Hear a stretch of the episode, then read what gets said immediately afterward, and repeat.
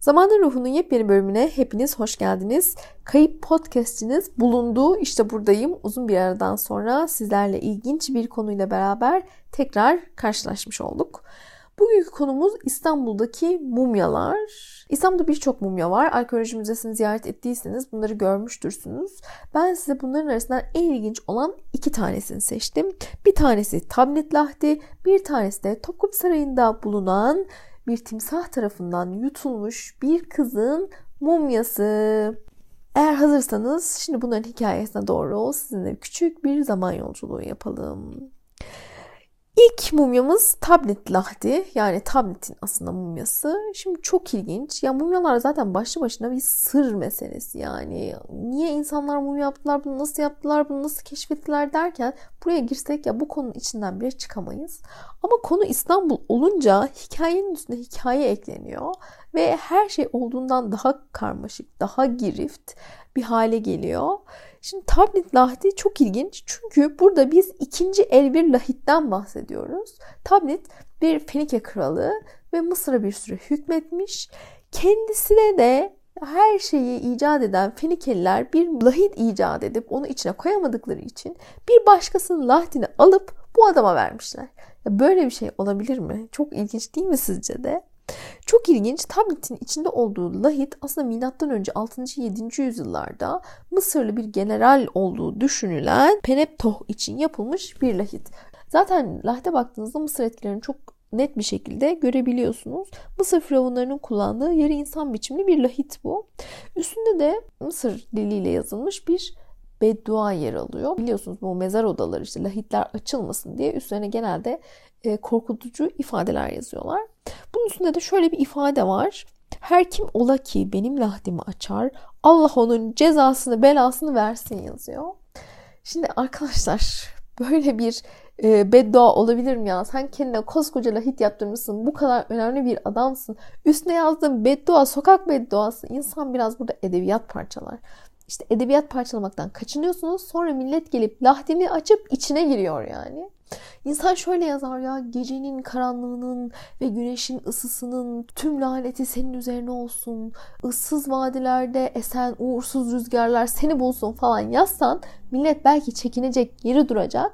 Ama sen bu kadar basit bir beddua yazdığın için Fenikeli askerler gelmiş, senin lahdini bulmuş. Üstüne bir bakmış böyle sıradan bir beddua var. Aman bundan da ne olacak deyip içine açmış, seni çıkarıp yana koymuş. içine de kendi kralını yatırmış.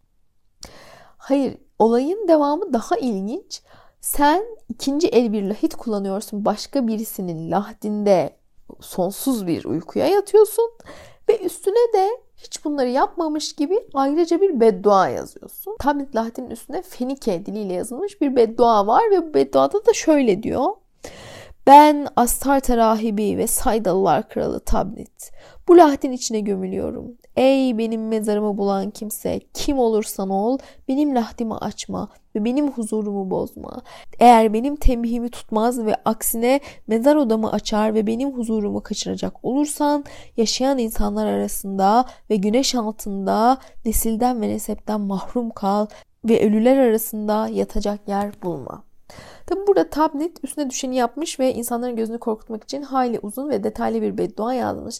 Ama sen kim yani oluyorsun? Sanki kendin mezarları açıp e, lahitleri bulup içinde boşaltmamış gibi kimi korkutmaya çalışıyorsun? Korkarlar mı? Korkmazlar. Yaşattığını yaşarsın diyorum ben bu mumyaya ki işte aynısı senin başına gelmiş. Efendim Tablet Lahdi 1877 yılında Osman Hamdi Bey tarafından Sayda'da bulunuyor. Ve Osman Hamdi Bey tabii bu lahti buluyorlar ama açmaktan hiç tereddüt etmiyor. Hani nesepten nesilden mahrum kalıyor ya Osman Hamdi Bey zaten çocukları olmuş nesebi nesli gelişmiş gitmiş hiç korkmadan lahti açıyor ve içindeki mumyayı dışarı çıkarıyor. Bugün hatta gittiğinizde hala bir cam altında sergilendiğini görebilirsiniz. Ya mumya da ilginç aslında. Normalde mumyaların biliyorsunuz iç organları çıkarılır ve bir böyle kefene yani sargı bezlerine böyle sarılır sıkıca o şekilde mumyalanır ama bizim bu tablet lahdinin içindeki sayın kralımızın hiçbir iç organını çıkarmamışlar ve bir kefeni olduğunu da görmüyoruz. Yani her türlü emekten kaçmışlar. Her türlü özenden kaçmışlar. Haydi bari adama lahit yapmadınız. Bari doğru düzgün mumyalasaydınız. Ne diyeyim yani ben size. İşte böyle garip bir mumyaya şu an arkeoloji müzesinde biz ev sahipliği yapıyoruz. İkinci mumyamız ise ondan daha garip. Ben bu mumyayı hiç görmedim. Sadece resimlerini gördüm. Hatta gören hiç kimse yok sanırım yani. Şu an sergide değil e, çünkü. Ama resimleri var ve işte Cumhuriyet'in ilk yıllarında bunu gören insanlar var. Şimdi bu mumya çok ilginç. Bir tarafı timsah kafası ve vücudu. Timsahın kuyruğunun bulunduğu yerde de küçük bir kız çocuğunun kafası ve bir de sol kolu var. Nasıl böyle bir şey olabilir diye insan düşünmüyor değil. Rivayeten şöyle bir Mısır prensesi anlatıldığına göre Nil nehrinde suya düşüyor ve bunu bir e, timsah yiyor ya da bir timsah saldırıp onu suya çekiyor. Ama Mısırlılar ölümden sonraki hayata inandıkları için prensesi mumyalamaları lazım. Onlar da onu işte artık nasıl olmuşsa göya e, timsahla beraber çıkarıp e, mumyalıyorlar ve bu şekilde artık ölüm uykusuna yatmış oluyor kendisi. Tabi bunların hepsi rivayet. Anlatıldığına göre Abdülaziz döneminde bu mumya Mısır'dan İstanbul'a getiriliyor. Ama devir değişiyor. Abdülhamit, 2. Abdülhamit tahta çıkıyor ve bu mumyanın varlığından çok rahatsız oluyor. Yani uğursuz olduğunu düşünüyor büyük ihtimalle. O yüzden bunu Topkapı Sarayı'na adeta böyle eski eşyaların konulduğu bir ev muamelesi yaparak oraya gönderiyor. Topkapı Sarayı'nda bu mumya bayağı meşhur oluyor. Buna bir isim veriyorlar. İsim Arap. Yani Arap geldi, Arap gitti. İşte bir şey dökülüyor, gece bir ses duyuluyor. Hepsini Arap yaptı gibi böyle bir ilginç şey atfediliyor ona. Sanki Arap geceleri işte mumya geceleri kalkıp yürüyor gibi. Hatta buna bazıları deniz kızı mumyası diyenler de var. Çünkü şekli çok ilginç. Yani insanlar ne olduğunu bilmiyorlar. Hiçbir yazılı bir kaynak yok. İşte anca anlatılan rivayetler var.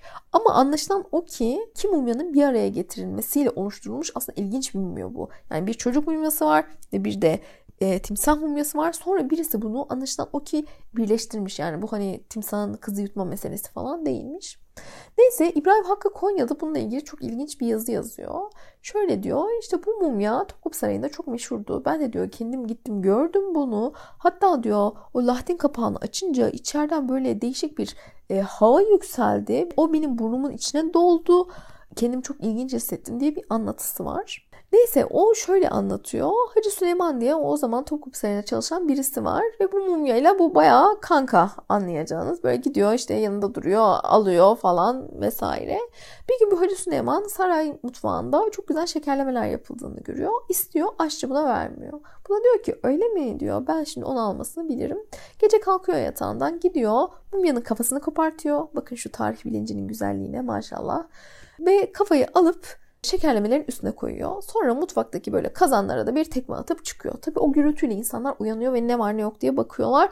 Seslerin olduğu yerde mutfağa gidince tabi Arap Arap'ı görüyorlar yani. Hemen gelip bunu uyandırıyorlar. Diyorlar ki kalk Arap ortalığı karıştırıyor. Yani bununla başa çıksan sen çıkarsın. Hadi ne olur bizi şundan kurtar.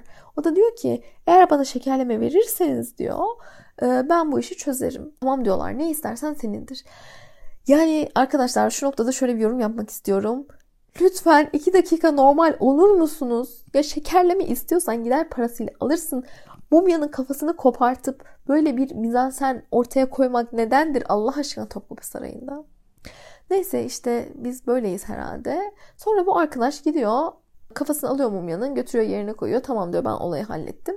Sonra da diyor ki ben bir hafta diyor bedava şekerleme yedim. Çok güzeldi. Araba buradan çok teşekkür ediyorum gibi böyle bir beyanat var İbrahim Hakkı Konyalı'ya.